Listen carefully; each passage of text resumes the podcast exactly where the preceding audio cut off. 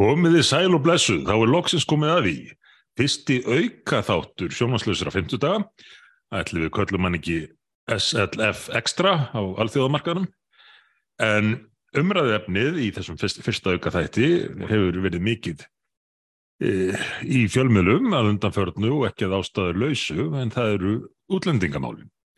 Nú stendur yfir mikil umræða í þinginu um, um litla útlendingamálið svo kallaða mál sem að breytir raun sára litlu tekur ekki á því gríðarstóra vandamáli sem að viðrað eiga vegna málefna hælisleitenda þar sem að Ísland er aldeilis komið á kortið sem líklega núna vinsalesti áfangastadur Evrópu uh, hlutvarslega hjá þeim sem skipulegja ferðir uh, hælisleitenda.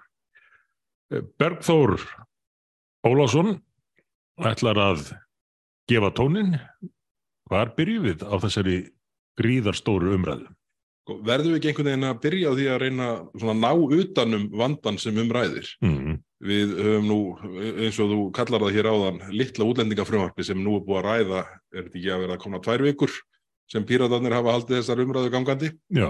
Og hérna, uh, sko, þetta mál er að hafa hverfandi áhrif og, og, og, og laga kerfið með miklu veiklulegri hætti heldur en það frumvarp sem Sigriður Andersen laði fram fyrir núna hvað, fjórum, fimm árum síðan Já. sem er svona undanfarið þessa frumvars og nú hefur verið svona gefið eftir í öll hvert skipti sem er lagt fram og nú er mér þess að fulltrúi vinstri grætna búin að kalla frumvarpið inn í nefnd á milli annar og þriðumræði væntalega til að gera einhverjar leggjandi fram til að vera breytingu á því og það er kannski svona undirstrykar sko svona tvískinningin í framgöngu vinstri græna í þessu máli að, að uh, þingflósformaðurinn Orri Páll Jóhansson fór strax í þingbyrjun að tala um að sko vinstri grænir hefðu með afgreðslu og ríkistjón samþygt það að máli kemi til þinglerar meðferðar sem Já. er allt annað en að það sé stuðningur við það.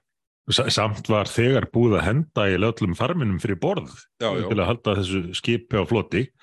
Meirið segja eftir að Eh, sjálfstæðisflokkurinn taldi sig hafa staðfestingu frá samstagsflokkunum við lók síðasta þings um að þetta erði forgangsmál síðasta höst á nýju þingi þegar þeir voru búin að samþekja allt frá, frá Vafge og, og framsókn. Uh, og jæfnvel mál sem að gengu þvert á markmið þessa þessa málist þá tekið upp á því að henda út í rauninni aðal aðtyrðina uh, aðal farminum sem að þessu skipi var ætlað að segla í höfn sem að var það að uh, þegar fólk væri komið hæli í öðru landi þá uh, færið aftur þangað.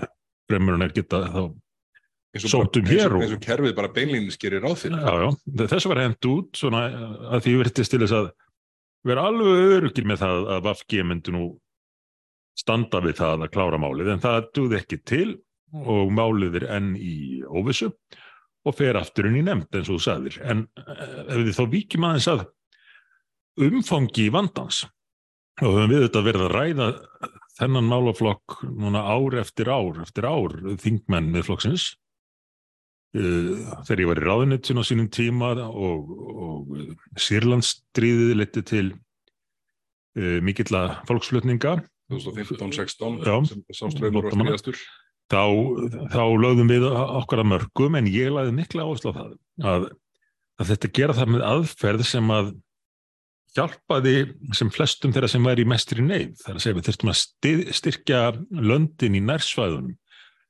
við það að taka móti fólkinu og, og lefa því að dveljast þar við, við þólunlegar aðstæður þanga til fólki geti, geti snúið heim þessi nálgun finnst mér að vera alveg farin. Nú er úð að gera Ísland að já, eins og ég nefndi hérna í upphafi líklega eftir sóstasta áfangastað Evrópu hlutastlega og við byrjuðum að benda á það fyrir hvað allir ekki komið fimm ár að þá þegar hefði ströyminu til Íslands verið orðin eh, sexfaldur á við Danmörku og Noreg svo var hann orðin áttfaldur. Ætlaðs ekki orðin tífaldur núna? Alveg öruglega ef við tökum svona Úkrænu aðeins til hliðar og horfum á alla aðra þætti hérna ström, alla hina ströymana þá myndi ég nú halda að, að það hlutfall væri orðið enn hærra heldur, heldur en þarna var síðast eða þessar tölur voru tekna saman. Og það auðvitað eru þessi svona sér íslensku seglar sem kallaðir eru í kerfinu sem orsaka þetta. Já, Það vita það allir að, að þetta fólk er ekki að sækinga til þess að njóta góðs veðurs. Það er þannig að það, er, það, það eru ákveðnir þættir, bæði þessi svona frestunar heimildir sem kerfið býður upp á, uh, fyrir greiðsla og meðan bæði beðið er og, og meðan menn er í þessu svona lögformlega ferli og eftir það og jafnvel sko löngu eftir að menn hafa fengið sko höfnun. já þessi, þessi er- seglar eins og, eins og haldið kallar tryggt. það og, og hefur kannski eftir okkur þetta orðalag, þetta eru seglar sem er búi, eru búin til hérna á Íslandi. Og þetta gerist nefnilega ekki af sjálfu sér. Þetta er afleiðing stefnu íslenska stjórnvalda og þeirra skilabóða sem að íslensk stjórnvald hafa sendt út. Og þau breyðast mjög hratt út í, Já, í já. þessum heimi.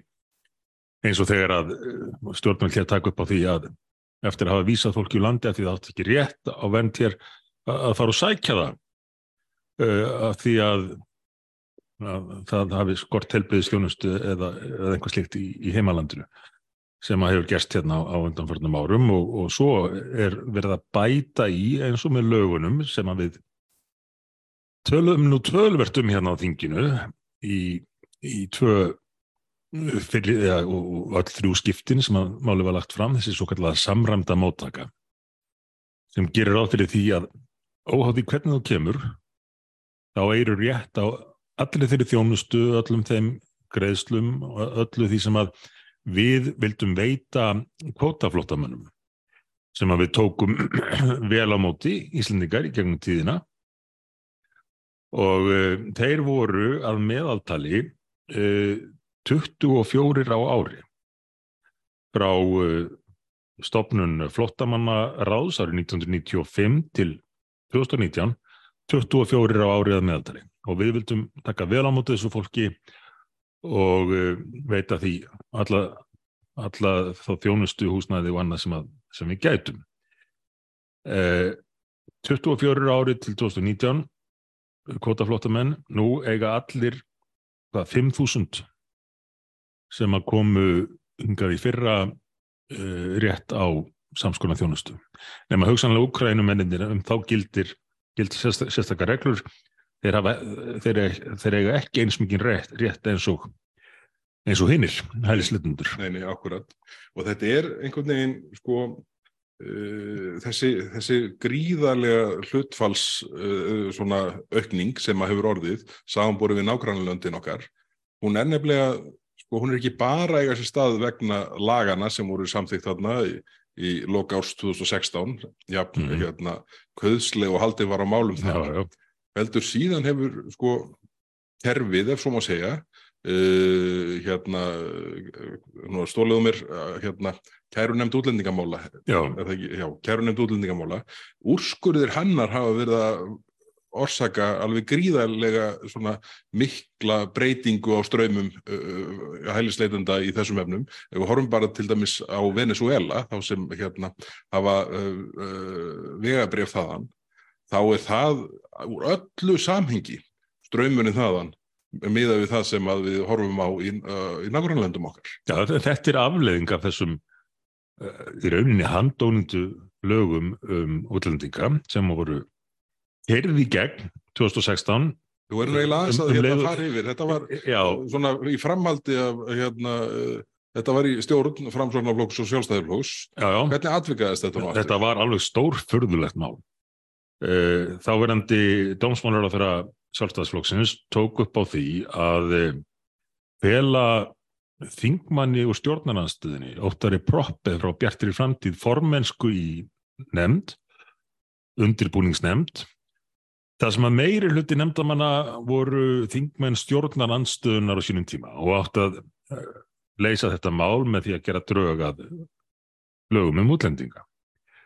Og ég tók þessu vægast sagt illa og rætti þetta mjög ítrekkað við ráðherran og uh, var beðinn ítrekkað um að býða og sjá þetta er því allt í lagi. Ég efaðist um það og sagði ef þetta verður eins og ég óttast þá ekki aðeins uh, mun þetta mál ekki fá afgreyslu úr ríkistjórn, það kemur aldrei á dagskrá hjá ríkistjórninni. Já, já, svo má maður ekki breyða sér frá. Samá við um þetta eins og, og mörgunum mál. Uh, ég var ekki fyrr skroppin frá en að málunum var hendin í þingið. Handónitu handónitu og kert þar í gegn og eitt af mörgum stórgöllum atriðum í þessu, þessum lögum er þetta með aukið vald þessar úrskurðanemdar Þetta er auðvitað einhvað sem við sjáum gerast víða í, hjá ríkinu að stjórnmálamenn er að gefa frá sér vald yfir stórum atriðum til einhverja ókjöruna fulltrúa. Í þessu tilviki nefndar sem að svo allt ínu tók upp á því að skilgrina íbúa Venezuela sem að búa við treyna mistri stjórn sem, eh, sem svo að þeir ættu allir rétt á hæli hér. Og ströymurinn fyrir vikið eðlilega hefur verið gríðalega mingill og fólk jafnan fer í gegnum spán þar sem að talaði sama tungumál og, og sambarileg menninga einhverju leiti fyrir gegnum spán og flýgur svo áfram til Íslands því Ísland er vænlegasti áfangastæðurinn að mati þessa fólks og maður veldir fyrir sér hvað gerist ef að þessi nefnd sem að þingmenn hafa núna úr ráþeirar uh, engin áhrif á ef hún tekur upp á því að uh, búið til sömu, sömu skilgreiningu fyrir önnurlönd þar sem að ástand varðandi fátækt og, og öryggi fólks er, er svipað og í, í Venezuela. Hvað ef að nefndin úr skurður að allir íbúar Pakistan eigi rétt á hæli hér? Ekki nú beisin staðan þar. Hún er ekki beisin og hefur farið vestnandi og er líklega verið enn í, í tölvört verið enn í, í Venezuela svona á heilti litið. Og samanmættið þetta segjum fjölmörg önnur lönd, miða-Ameríkuríki eins og El Salvador, Honduras, eh, Kongo, Bangladesh, gríðala fjölmenn ríkjum hver það sem að einhver nefnd geti einfallega gefið út tilkynningu um að allir íbúar þessa land sem að kemur hingað ættu rétt á hæli á Íslandi. Þetta er orðið stjórnlöst eins og, eh, eins og dómsmálar á þeirra hefur nú reyndar ítrykkað viðkjönd. Já, já, einmitt. En þetta er nefnilega, og, og, og þetta hefur allt saman áhrif. Umfang, vanda, eh, umfang verkefnisins er auðvitað þannig að eins og ráþeirar hafa líst í að beinkostnaður á árunni 2022 sé rétt um með yfir 10 miljardar, 10.000 miljónir og uh, það er vantarlega fyrir síður bara vöxtur hvað þau útgjöldu varðar á því ári sem nú gengur í, uh, nýgengi í garð mm. en sko þessi beinu útgjöld eru bara brot á kostnæðinum ja. það er sko það, það er uh, já, ég myndi ætla að það væri að minnstakosti tvöfaldur ef ekki þrefaldur raunkostnaður sem væri hér og þar í kervónum okkar sem er ekki tekið til í til Mm. Þannig að þetta er gríðarleg sko, uh, efnagsleg já, ég veit ekki hvort það er rétt að kalla það byrði en allavega útgjöld vegna þessara mála eru orðin þannig að það er eiginlega sko ótækt að þingið hafi ekki kjark í sig til að ræða það á þeim fórsöndum. Já, já uh, og, og þetta er ekkit nýtt að kostnæðin við þennan málaflokk sé falin. Ég man eftir því uh, á sínum tíma í, í ráðunetsinu að maður hafði nú oft efasemtir um, um kostnaðin þá að hann væri rétt reiknaður en, en ráðuneytin eða kerfið virtust vilja að draga úr honum maður vissi strax uh, þegar fjárlöfur voru lögð fram að þetta myndi ekki standast. En maður vissi líka að það væri svo mikill falin kostnaður fyrir heilbreyðiskerfið, mentakerfið, félagslega kerfið, löggestluna og, og svo frammeins og svo frammeins Þú sagði mig til dæmis sögu af manni sem hefði farið á læknavaktina og verið nummer held ég 300 í rauðinni og á undan þessu manni og fjölskyldu hans voru, voru mjög margir hælisleitundur en, en þessi kostnæður hann er ekki tekið með. En hann kemur hverki fram. Kemur hverki fram og, og það er oft erfitt að ræða þennan málaflokk eins stóru hann nú er.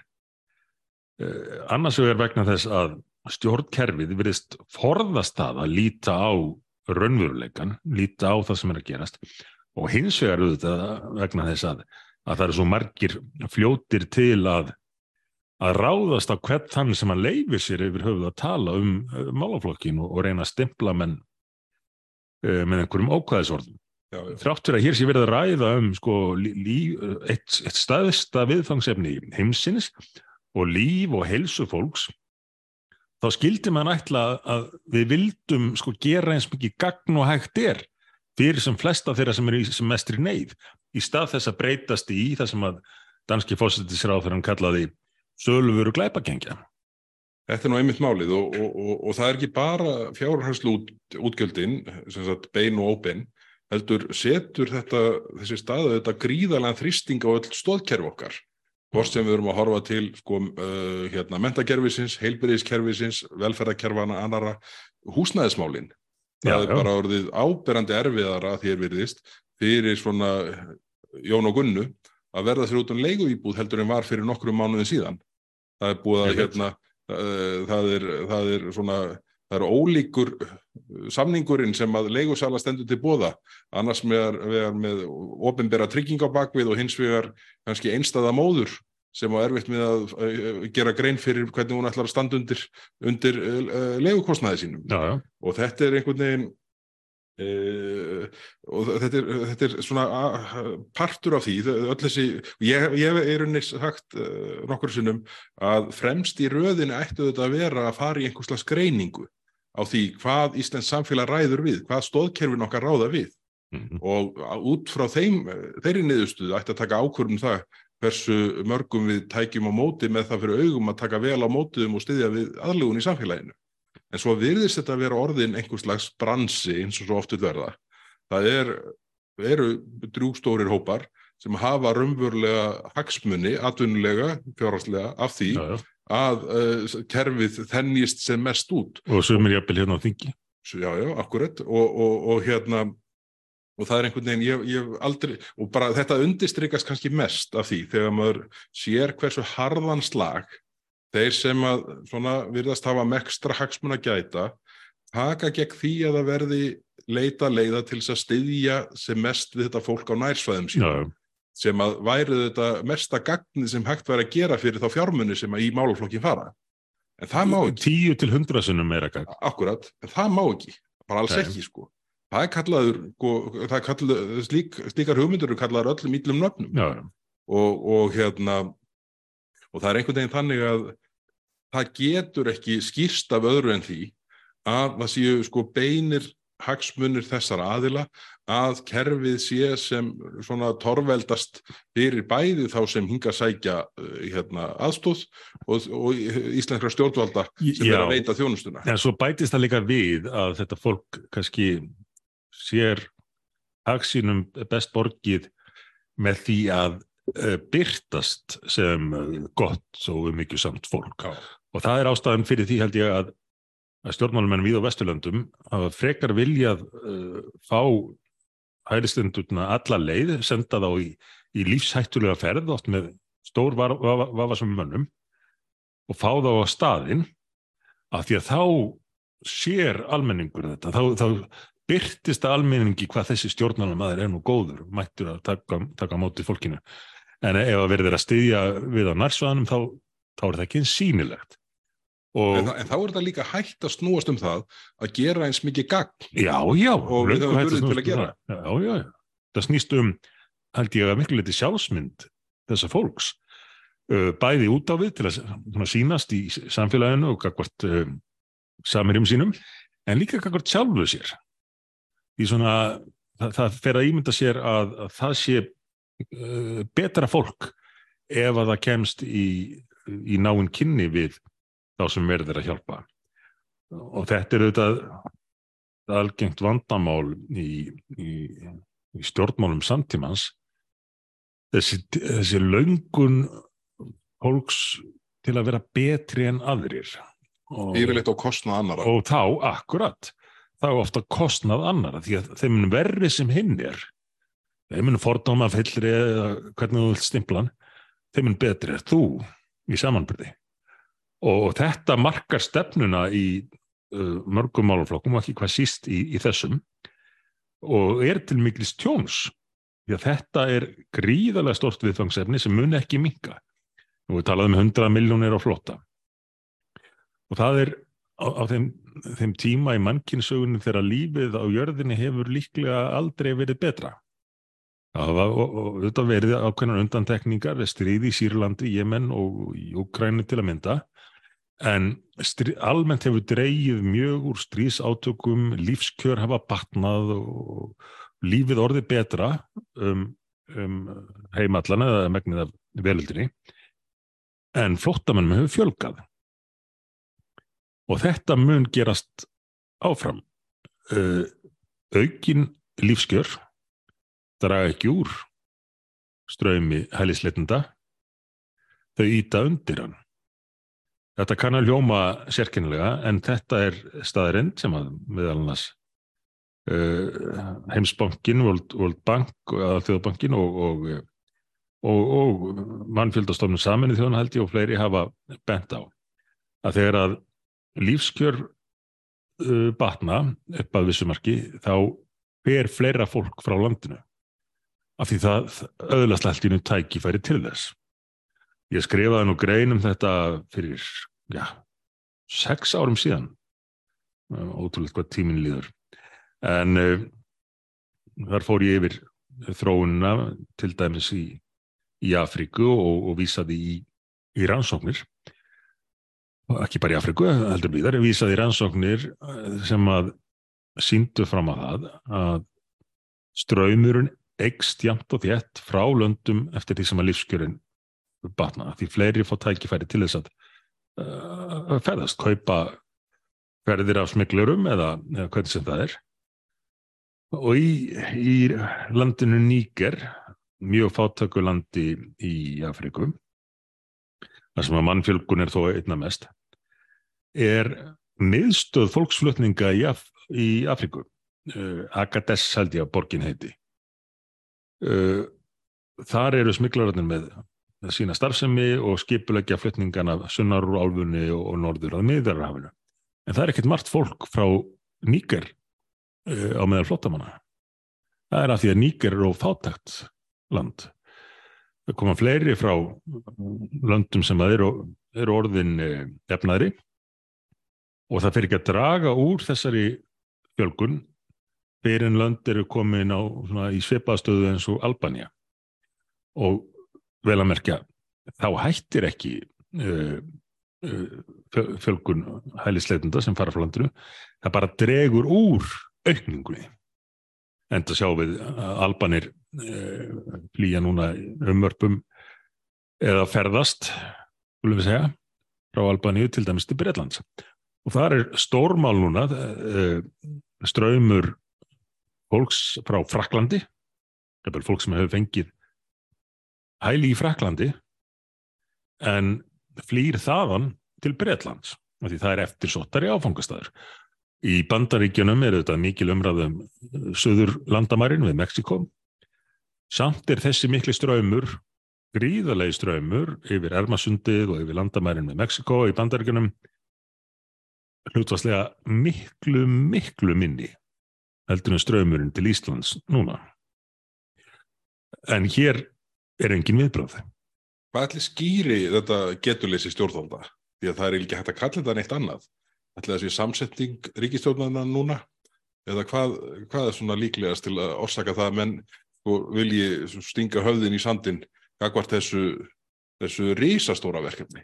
Já, samsetning ríkistjórnarna er kannski hluti af því en, en sjáðu bara landsfund sjálfstæðisflokksins núnum daginn og álutun þeirra um þessi mál hún var bara nánast eins og álutun samfélkingarna um sömum mál nema, nema sjálfstæðismenninir bættu því við að, að þetta fjölga uh, kvotaflottamannum uh, og við höfum reyktið þetta áður einhver hópur þarna á þessum fundi reyndi að gera smávæðilega breytingar mjög hóflegar. Uh, mjög hóflegar, meðal þess að laga uh, málfarið og eitthvað, eitthvað slíkt.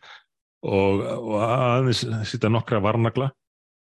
Þetta var samþygt í nefndinni og átti þá að fara inn í álutununa en þá var ákveðið að uh, hverfa frá uh, fundarsköpum og láta klósa um álið aftur. Svona eins og Európa-sambandi gerir eða það fær ekki rétt að niðurstöðu. En af öllum breytingartilugum var hend út og stefnan úr valhöll stimpluð. Þetta, þetta er uh, áhugaverst og þeir náttúrulega gerðu þau mistök þarna í uh, lögatarsföllinni að þeir glemdu að slökka útsendingunni þannig að alþjóð, Já, já, eða þeir sem allavega sátu við uh, hérna, netið og fylgdust með, uh, þeir gáttu fylgst með þessari hérna, trakteringu sem Já. þeir fengu sem að sko vildu bara færa þetta til aðeins kynsanlegri vegar álitum flokksins. og sér ráð þegar hann kom upp og sko, sló á puttan á hann. Alveg fráleitt, alveg fráleitt sko. Og hérna, en, en þetta er nefnilega sko í samengi við lýsingu þína á því hér áðan, hvernig þessi lög sem nú eru hérna, voru samþýðan í loka árs 2016, hvernig það hefði atvikast. Þá eru þetta kunstugt að svona rifja upp með sjálfum sér með hvaða hætti svona ákveðinir þingmenn sem að hérna líður greinlega illa með hversu mikil eftirgjöfun hefur verið með þetta mál og nú er þetta orðið bara eins og við segjum köllum hér í ekki bara gríni því miður, Mm. litla útlendingamálið, út, Mm. litla útlendingafrumvarpið að sko, með, það hefur verið helsta vörð þessar aðila þegar maður hefur verið að hérna svona uh, íta við þeim. Já, þessi lög urðu nú til undir fórustu Sigmunda Davís í fórsettisráður tíð hans. Heyrðu, það, uh, það var bara ekki þannig sko. En, en þetta er einhvern veginn svona uh, þeim líður aðeins betur að reyna að uh, útskýra að það hefur verið einhverjum allt öðrum að kenna heldur en þeim sjálfum að lögin séu jafn sko ómögulegu eru núna Já, já, og síðan hafi menn heikst á því árum saman að klára að laga þau. já, já. Uh, maður heyrir þetta með stundum, sko, hérna, hvað með þig, en þá er það oft og yfirlega einhver mál sem að maður gerði hvað maður gat til þess að koma í veg fyrir en, en þingmenn uh, sjálfstæðisflokks, ekki hvað síst uh, gerði í gegn, ég ætla ekki að, ekki, ekki að fara út fyrir efnið til dæmis með því að revja upp hérna flugvallar málið sem að að sjálfstæðisflokksins Þa, það verður í skrifaðu samgöngu undir í leini, já það verður í samgöngu þættin en sko, ma maður sér engin merki um að þau muni bregðast við eða gerir sér grein fyrir umfangi vandans. Og þessi vandi mun bara stækka. Og Ísland er aldrei skomið á kortið og það býr til keðjuverkum það verður þá fleiri og fleiri sem að þekka einhvern eða hafa heyrt af einhverjum sem að hefur uh, fengið uh, að fara í gegnum allt þetta ferli hér á landi og, og, og vilja spreita sig á, á því líka. Þess að núverandi stefna er ekki til þess fallin að leysa vandan á nokkur nátt eða á nokkur tímapunkti.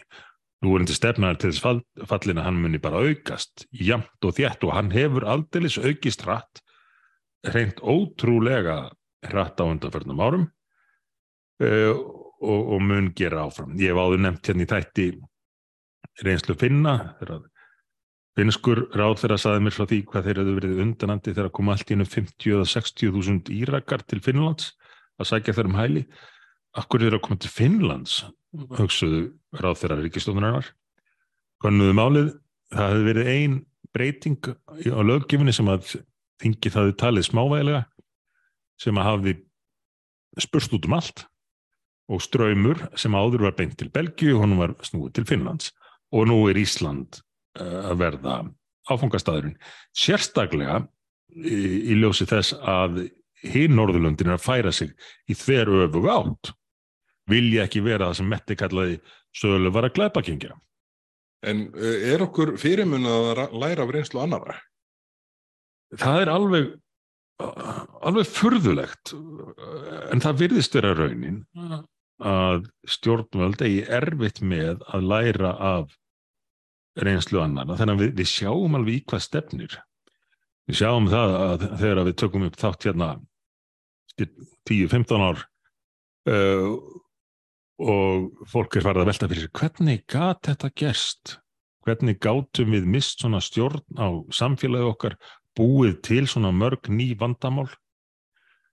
Uh, þá þarf að rifja það upp að þetta var allt fyrir séð. Uh, menn gáttu alveg gefið sér hvernig þetta myndi þróast að því þeir gáttu fylst með og reynd að læra af reynslu annar en þeir gerðu það ekki og nú er ég ekki að þetta fullir að þetta verður raunin en, en þannig lítur það út.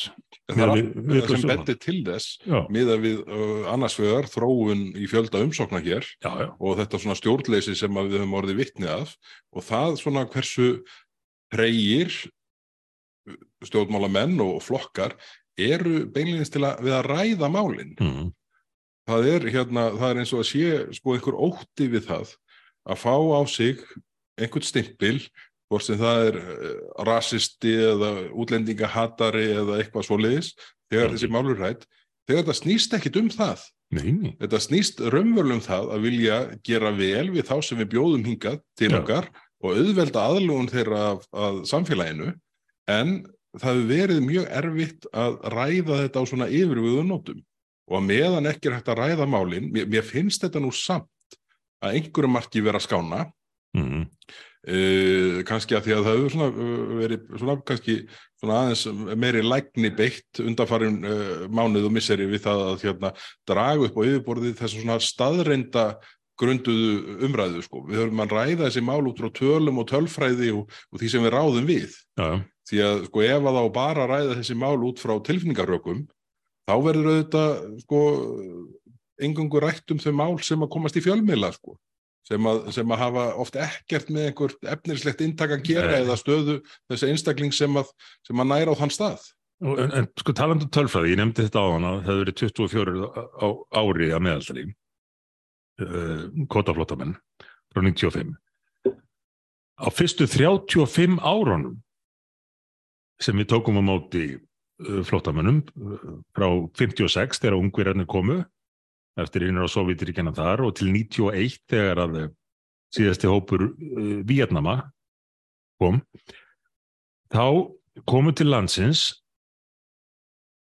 með en helmingi færri á öllum þessum 35 árum komu helmingi færri og rúmlega það en í einum mánuði í lók síðast ás Já, já. Vítum, bara er rauninni tekið hvaða mánu sem er til að oktober sem að tölurnar eru fyrir sem ég með hérna fyrir framheg það komu tvisvar og hálfusunum fleiri uh, til landsins hælisleitendur í oktober 2022 heldur en á 35 árum frá 56 til 91 og þetta hefur þetta einhver áhrif á samfélagið. Uh, það er ekki eins og menn hafi verið fordómafullir fram að þessu og ekki viljað hjálpa en, en menn vildu hafa stjórn á ástandinu.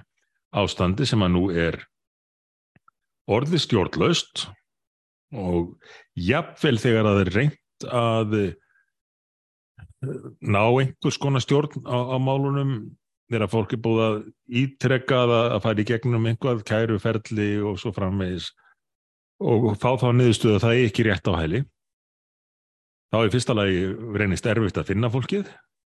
Þeir sem finnast eru þá hugsanlega sendir uh, út í fylgd með þreymur lögreglumannum á, á hvern. En eru svo bara kominir aftur uh, daginn eftir og, og undan lögreglunni sem að hefur einhver reglur um kvildatíma og slíkt. Þetta er, þetta er stjórnlist ástand. Það vakti aðtegli mín að Jón Gunnarsson, dómsmálaráðurra, hefur hérna, verið alveg skýr með þá afstöðu sína að ástandið á landabænarnum sé stjórnlust og er sammál okkur hvað það var þar. En það vakti aðtegli mín að svona kannski á heldur neikvæðari nótum að fjármálaráðurra sem á endanum sko fær nú að hunga út þessum 10 miljardum á liðnu ári og eflust ennhæri tölu á því sem nú er gengið í garð uh, var svona tók ekki undir þetta taldið þetta einhvern veginn svona, jú, það var ágætti stjórn á þessu. Sko, hvað ætli, er það til þess að friða vinstri græna og Já, ég held að og fyrst þegar ég spurði um þetta þá virtist hann viðurkenna að Já, væri er stjórnlaust. mitti það, sko. og, og bara helt fínan ræðu eða gaf gott svar en svo var hann alveg út í mýri þarna. já og, og það, þetta veldur mér ef mér er sér formaði sjálfstæðisflokksins og bakkar frá því að viðurkenna vandan Nýbúin að borga 10.000 miljónir. já, já. Þetta er, og, er og í rauninni eins og við nefndum miklu miklu meira í, í, ef allt væri talið En, en varðandi, sko, verður, uh, svo spyr fólk eðlilega hvaða, hérna, hvað viljið þið? Hvaða lausnir Já. eru hérna á borðinu? Og þar má aftur kannski líta á reynslu annara sem að hafa farið í gegnum þetta á undan okkur þó að atbyrðarásin hafi ekki verið eins hröð hlutvarslega þar eins og í Danmarku í Svíþjóð. En við erum að slá all með núna Ísland hlutvarslega í, í þessu. Já og aðeins um það. Svo segja menn að í þessu er ekki, er ekki að líta á hlutvalstölur Já, það er einhver Eh, undarlegast umræði sem ég lett í. algjörlega sko bara fráleitt af því þetta snýst allt um hlutvall þetta snýst um stærð samfélagsins. Og þetta lítið samfélag það verður mjög hratt fyrir miklum áhrifum af því ef að ef að kemur mjög mikil strömmur fólksingað sem að ja, fylgir kostnaður og, og hefur áhrif á samfélagið svo fram, sam, framvegis. Þannig ef, ef einhverstað ætti að nota hlutastölur þá er það í þessu. En allavega við við getum lært af uh, reynslu til dæmis Dana og við höfum nú ítrekkað bent á þetta að uh, það eru það er nú bara danskir kratar, danskir jafnaðmenn sem að hafa verið að vísa veginn með, með hildarstefnu um hvernig megi taka á, á þessum vanda og ég er búin að lesa hana nokkrum sinnum og hún er vel ígrunduð og nær yfir alveg ótrúlega margt sem að virðist ekki einu sem vilja komið inn á ratsjá íslenskra stjórnvalda.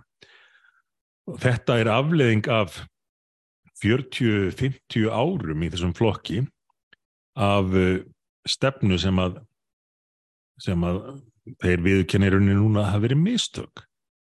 Mjög áhugaverð bók til dæmis eftir, eftir eh, þingmann uh, dansku kratana. Hann er nú múrari af, af ethiopískum uppruna. Stóluður mér í jögnablikkin hvað hann heitir en hann skrifaði bók um þessi mál og hvernig jafnaðmenn hefðu farið í gegnum þetta ferli að svona ná áttum? Og uh, niðurstaðan var nokkuð neðin svo og nú er ég ís ekki bara í bókinu heldur líka í umfjöllun uh, danskra stjórnmálafræðinga um, um þessa miklu stefnubreitningu kratana að hún hefði komið til þegar menn áttuðu sig á því að stefna flokksins hefði á einhvern tímapunkti verið yfirtekin af því sem að er kalla einhverjum takmarkari menta elitu og flokkurinn hefði farið að vannrækja undirstöður sínar, grunn kjósendur vinnandi fólk í Danmörku og viðhorf þess. Og einhver, einhver svona takmörkuð elita hefði farið að ráða stefnin í þessum málflokki. En svo hefur átt að sjá að því að það fari einfallega ekki saman opin landamæri og stert velferðarkerfi. Og þess að kratarnir kenna sig við umfram allt eru þetta velferðarkerfið en þarna hafðu þeir verið að reka stefnu sem gekk gegn hugmyndunum velferðarkerfið. Það er að segja opin landamæri. Þeir bara fóru gegnum sína sögu, þeir fóru yfir stöðun eins og hún var og komu með lausnir sem eru meðal annars þær eins og Mette, fósitsráþur að norðaði það, að stefna því að enginn, enginn mæti til Danmörkur til að sækja þannum hæli.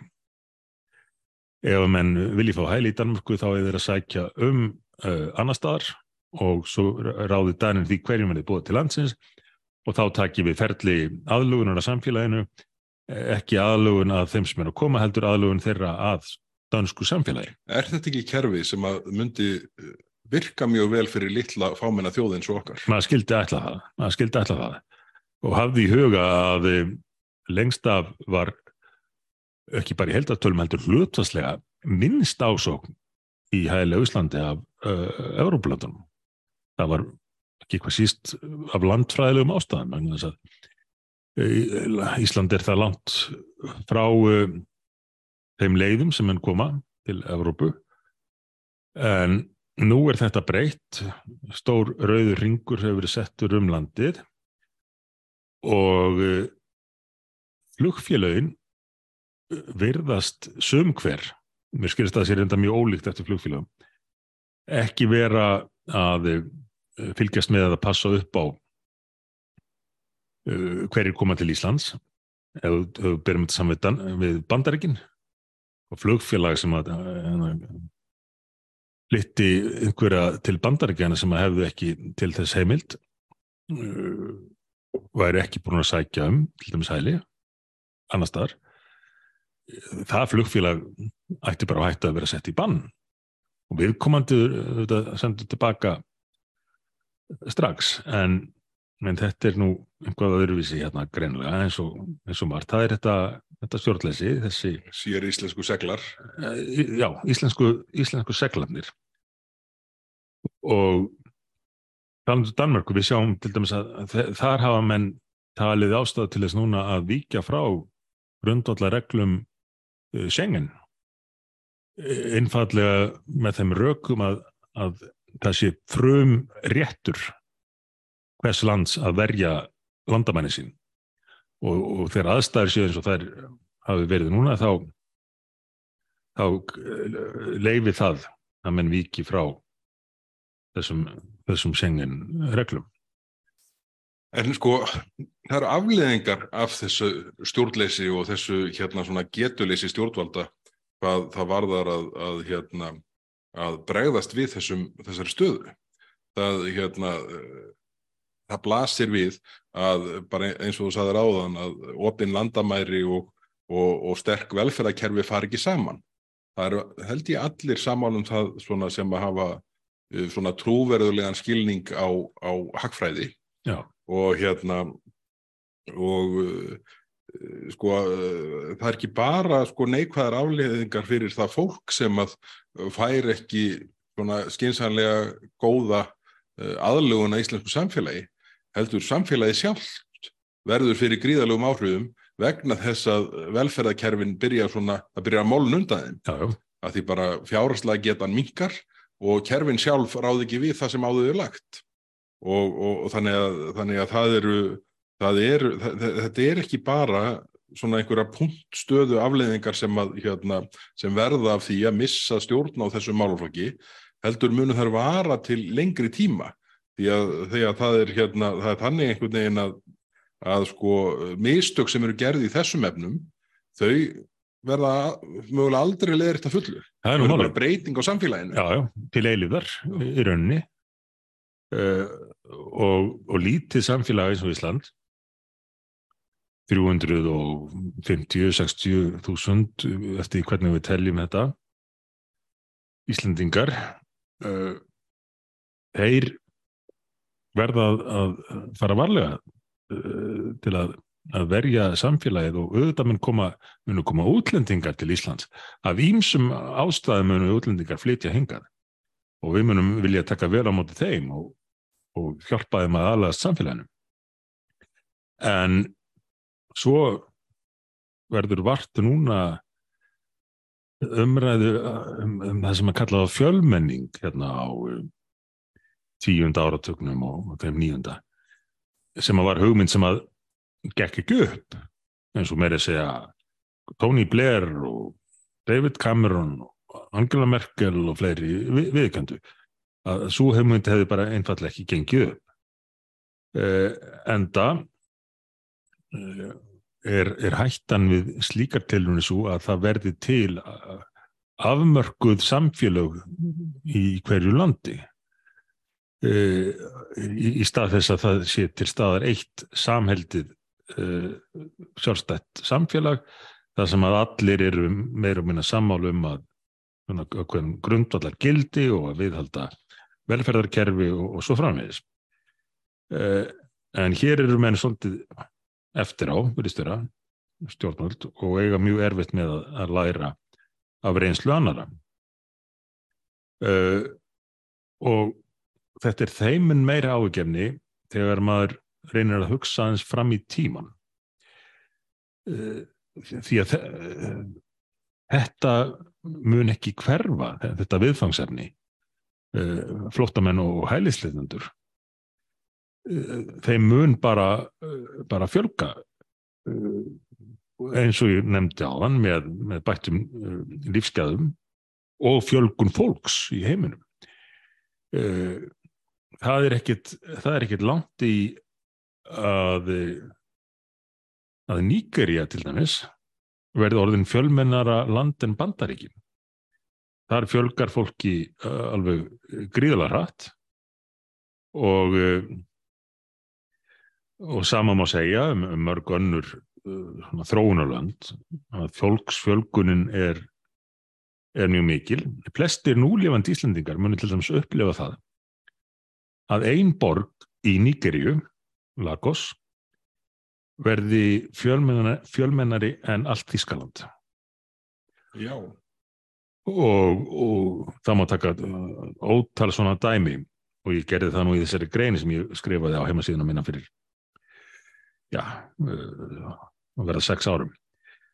Uh, í Nýgri verða 450 miljónir árið 2050 og flestir í í þessum löndum eða hlutfallið þannig að, að flestir eru, eru ungt fólk. Þannig að í Uganda er, er meira en helmingur landsmanna uh, yngre en 15 ára. Og þarna verður fjölgunin. Og þarna verður líka uppbygging. Og þessi lönd eru að þróast sem betur fer ef að, að hérna, lofslags málinn kom ekki veg fyrir að þau fái að þróast. En, en það, er, það er verið að byggja mikið upp hana en fjölgunin er gríðarlega mikil og með aukinni velseld þá eru fleiri sem að breysta gæfunar annar staðar. Og skiljanlega ég ímynda mér ef ég byggi nýgriðu og sæði tækifæri til þess að búa frekar í Þískalandi eða á Íslandi þá myndi ég grípa það tækifæri. Hver, hver gerir það ekki? Uh, en, en það eru þegar þetta er orð, orðið svona umfangsmikið þá, þá þarf að forgangsraða þá þurfum við að setja hlutina í samingi og hafa reglur sem ger okkur kleift að hafa stjórn á því hvernig við gerum sem mest gang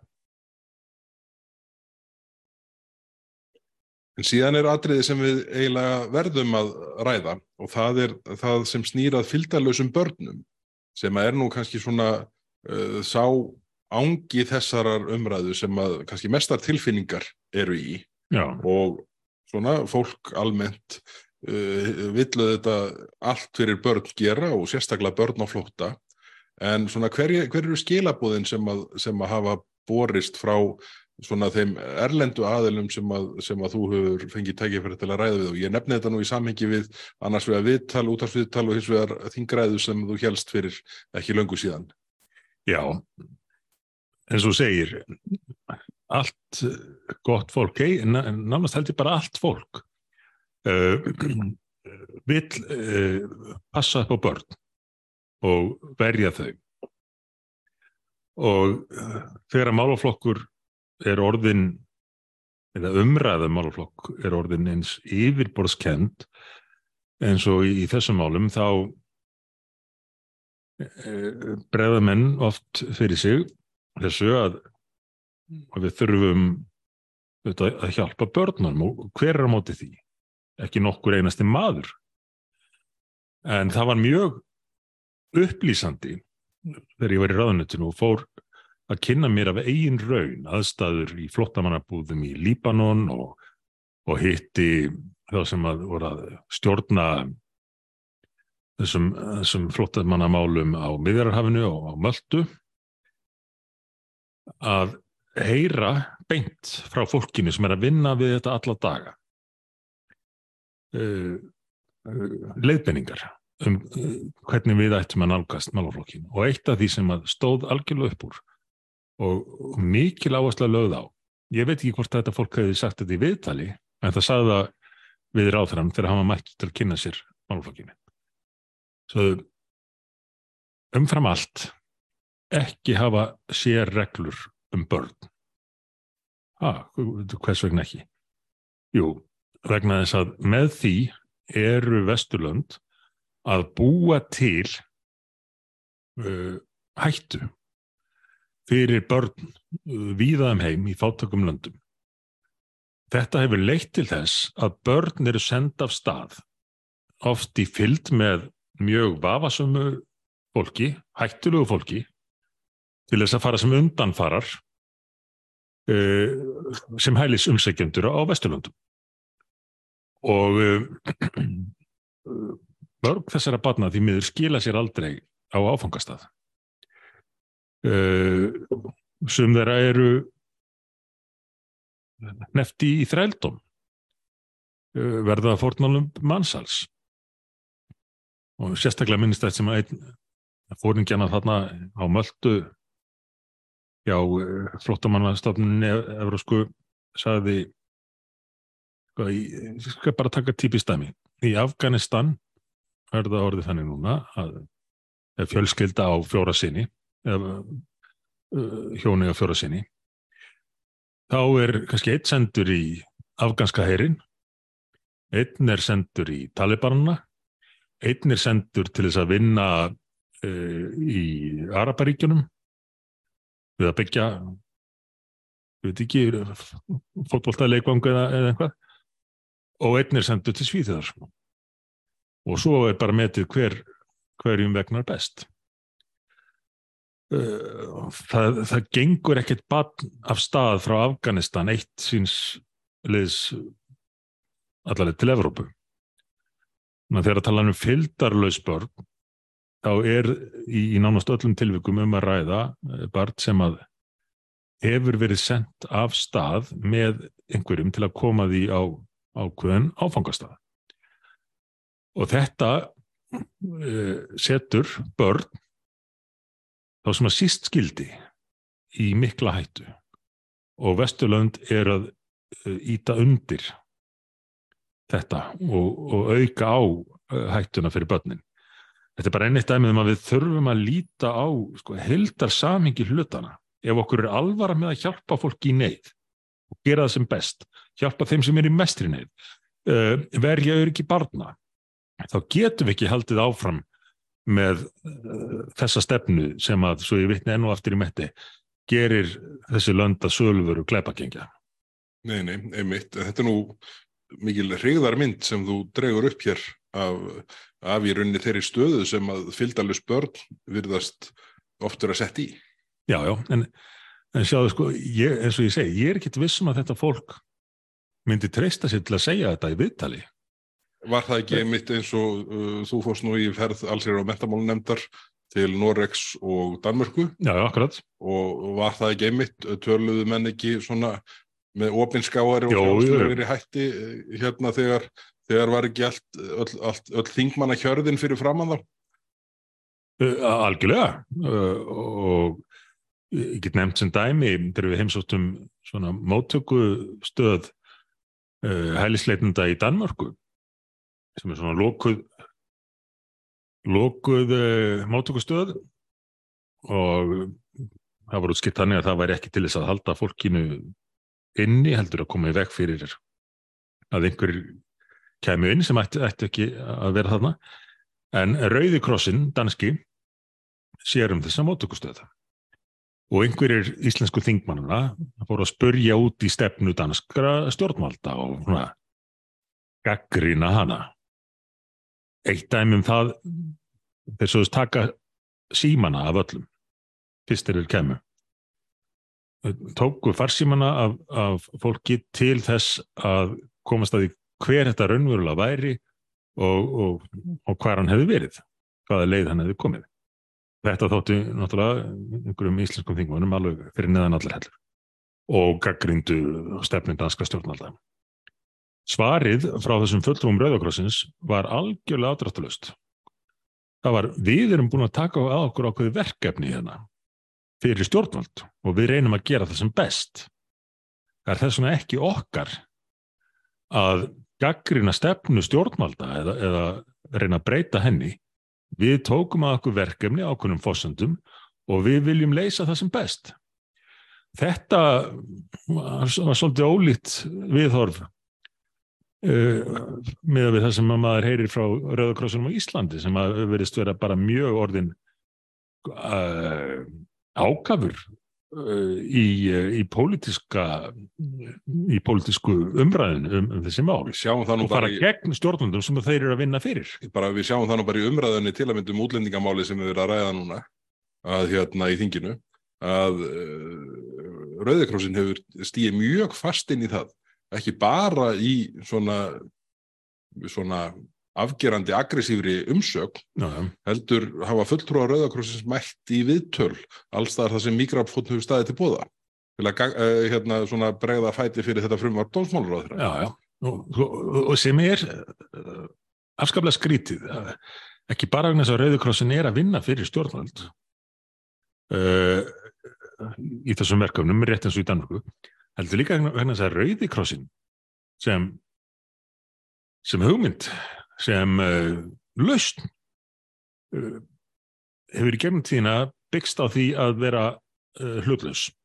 Já, já, og, uh, og gat þannig starfaði í seinni heimstyrjöldinni og jafnvel uh, á meðal nasista í Þískalandi og, og svona en á þess að vera uh, hluti af stríðinu á þess að vera sprengdir og auðvitað hafi orðið mörgslis og hörmungar hvað það var að það í seinni heimstyrjöldinni en, en allavega þá, þá var þetta grunnfossendan að uh, vera að veita hjálp uh, án þess að blanda sér í pólitísk uh, átök. ætli þetta sé sér íslenska Rauðikrossins í orðin svona pólitískur.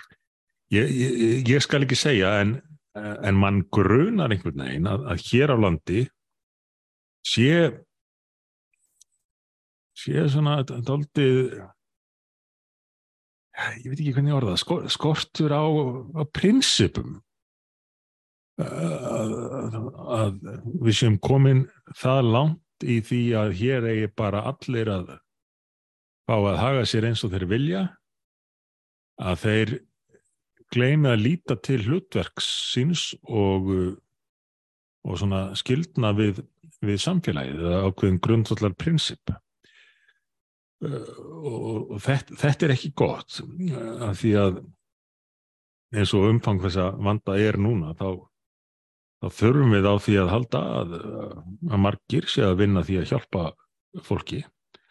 En þegar þeir fara svo að blanda sér í umræðinu með þeim hætti að, að sko, verja kerfi sem að að minnsta kosta mínumati er ekki til þess fallið að hjálpa best sem flestu í fólki sem er í mestri neyð þá eru menn bara komnir í, í pólitík. Já, já, akkurat.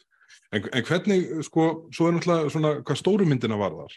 Þá hlýtur að vakna spurningin uh, hefur nálgunin sem að sumir kalla fjölmenningu, Mm. úst, það er þetta að kalla þetta ímsum nöfnum, en svona samhengi þessara, þess að, að nálgast svona þetta fjölmenningarlega samfélag og síðan sko mikilvægi þess að vernda lítið samfélag. Já, uh, er ekki miða við þá stöðu sem við finnum okkur í á liðnu ári og þá, þá þróun sem hefur verið árun á undan uh, eru við að einhverju marki á þeirri vegferð að eins og, eins og sumir orðaða það sé verið að skipta um þjóð í landinu. Já sko, það, þarf í rauninni ekkert mikið til þegar að þjóðin er ekki fjölmennari en þetta. Og uh, Íslandingar sem þjóð hafa uh, hafa lifað sem ein þjóð alveg ótrúlega lengi, meir en 1100 ár.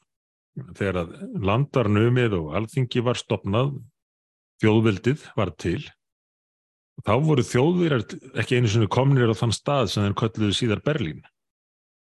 Þeir voru bara á á, á ferð þarna um um vestanvert Tískaland og, og áttu eftir að að fara víðar.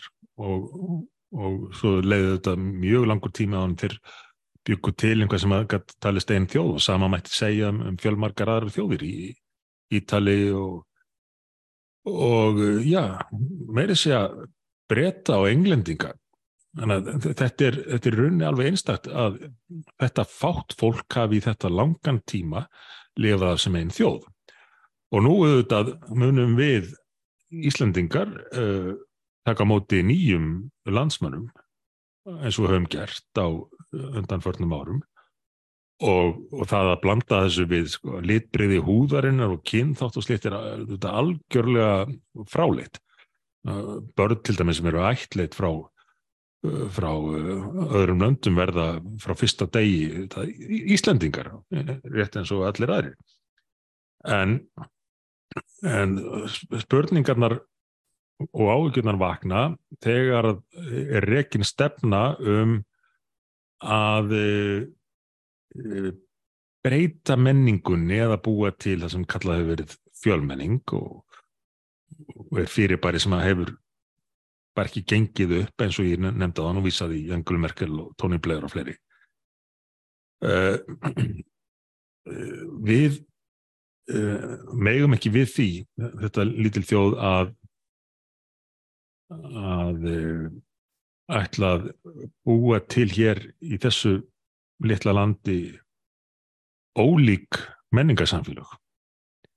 Það sem að hver hvert samfélag er út af fyrir sig, talar sitt tungumál, uh, fylgir sínum trúarbröðum og, og, og svo framvegis.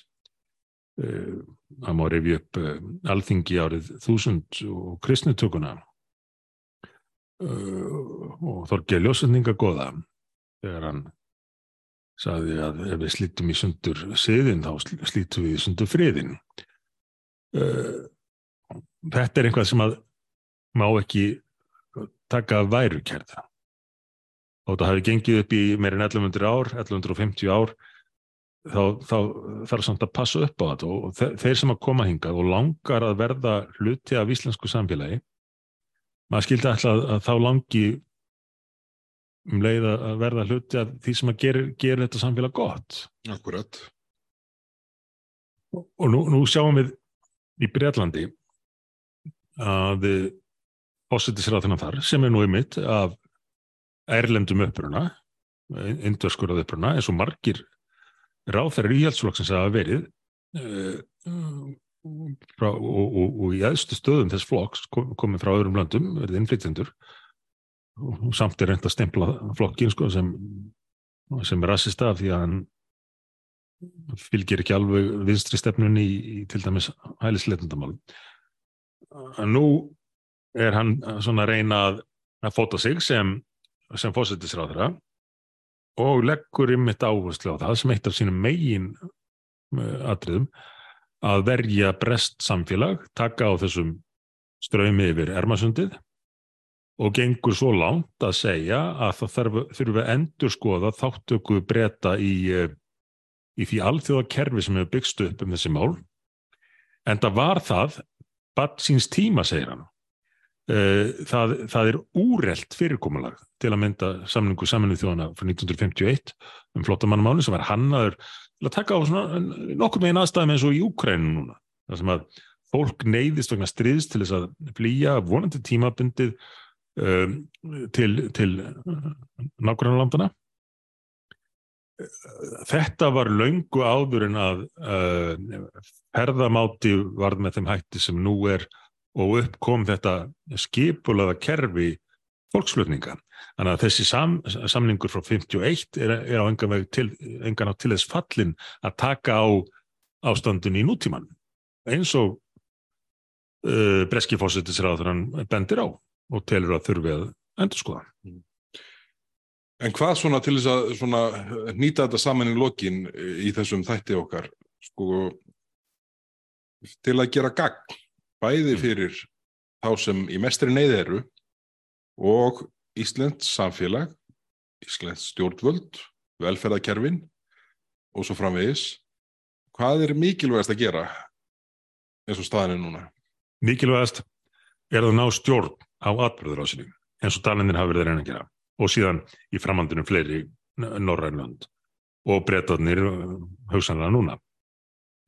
En á stjórninni uh, það fælst, í því fælst meðal annars að, að hvetja fólk sem að uh, vil sækjum hæli til þess að gera það uh, utan landsins. Þess að það sé eftir að vega á með þetta og velja úr þá sem er í mestri neyð og, og löndinni vilja uh, bjóða til sig. Það þarf að ná tökum á landamærunum sem að verist vera bara komið í hálfgerða vitleysu hér. Þurfum við ekki mögulega að skoða nálgun eins og Daniti til að mynda að, að hérna, svona, uh, nýta þau að svegrum sem sjangan sangkomulegið gefur? Jú, jú, við við þurfum að gera það. Og, og mögulega Og- ekki að setja, leggja kröfur á flugfélögin varandi farþegarlista. Farþegarlista, já, eins og menn gerir í bandaríkjunum og, og, og víðar. Uh, hverfa frá þessu, þessu sakleysi eða þessari tilraun til þess að líta fram hjá raunveruleikanum þegar að viðfangsefnið er eins stort og það er núna. Og við þurfum að gera líka meira til að hjálpa á nærsvæðanum. Og, og það bara situr í mér sko, að hafa talað við stjórnmálamenn í Líbanon og þá sem að voru að stýra flottamannabúðum þar sem eru nú mjög miskóðar sem eru bara uh, uh, fínar með, með íbúðir og, uh, og vatn og, og verslanir og, og allt. Og sumar eru munlakari vegna þess að það skorti þá stuðning við, við það. Uh, og, þarna voru fulltrúar lands sem er í rauninni gjaldþróta búið að fara í gegnum hræðilega borgarastyrjöld og með alla sína erfiðleika með, með ó- ólíka e, trúarhópa sem að, að tekist á þarna árum og áratugum saman.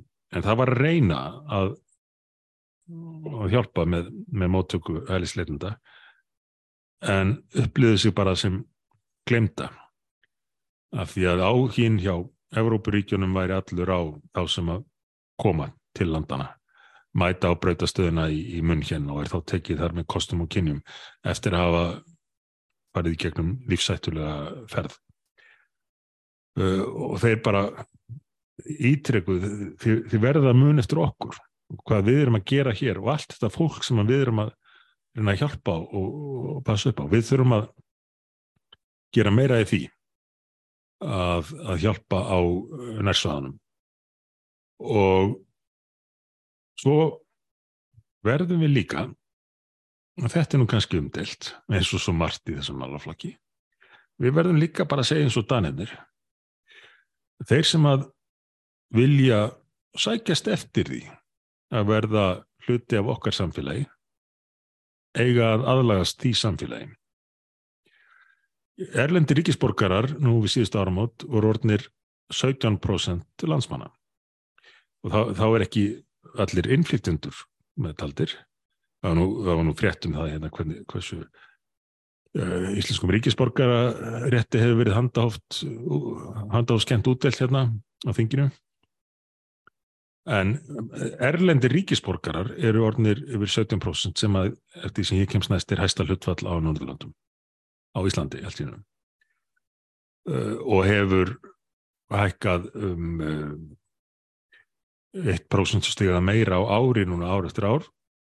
Uh, á síðasta ári, þriðja ásfjörðangi síðasta tíumbil sem ég sé tölur fyrir fjölgaði útlendingum á Íslandi líklega tólfalt meira en Íslandingum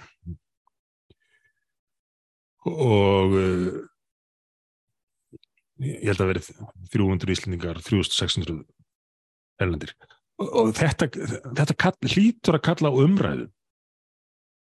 Við viljum taka vel á móti þeim sem vilja gerast Íslandingar og vera þáttakendur í samfélaginu en við þurfum að hafa stjórn á þessu.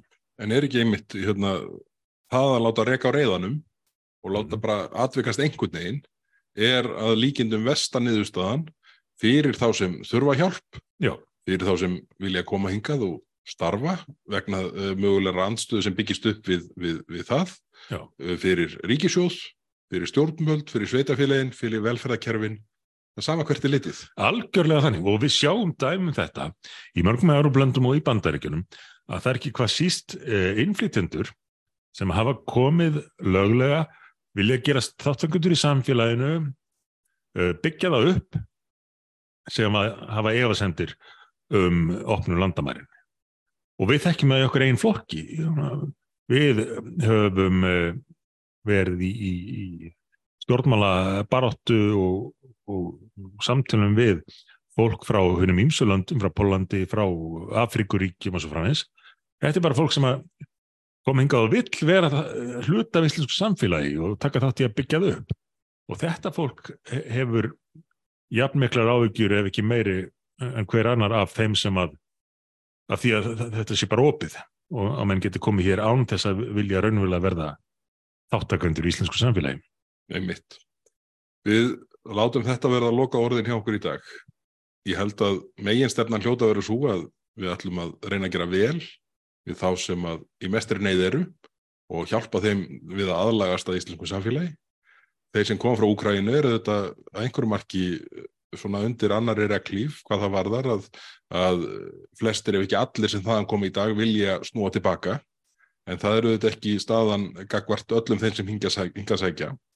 Og við þurfum að finna leið til þess að gera sem mest úr þeim takmörkuðu uh, þeirri takmörkuðu getu sem við höfum yfir að ráða. Og um leið og við tryggjum það að, að þetta sé, sé einhver, einhver skipulega á þessu að þetta gerist ekki bara einhvern veginn.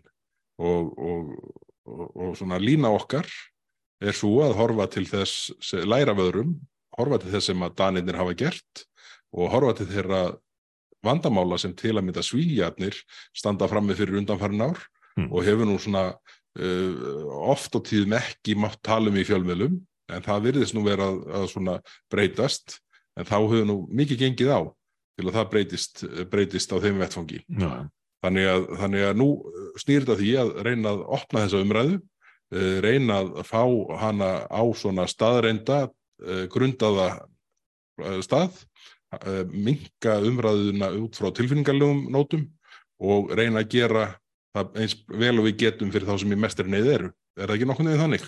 Held ég. Við þökkum ykkur sem á hlustuðuð og þetta er fyrsti sérþátturinn uh, hjá okkur í sjónvarslösum 50. Þeir verða fleiri á næstunni um hinn ímsum mál en við ljúkum hér í dag umræðu okkar um útlendingamálinn. Takk fyrir.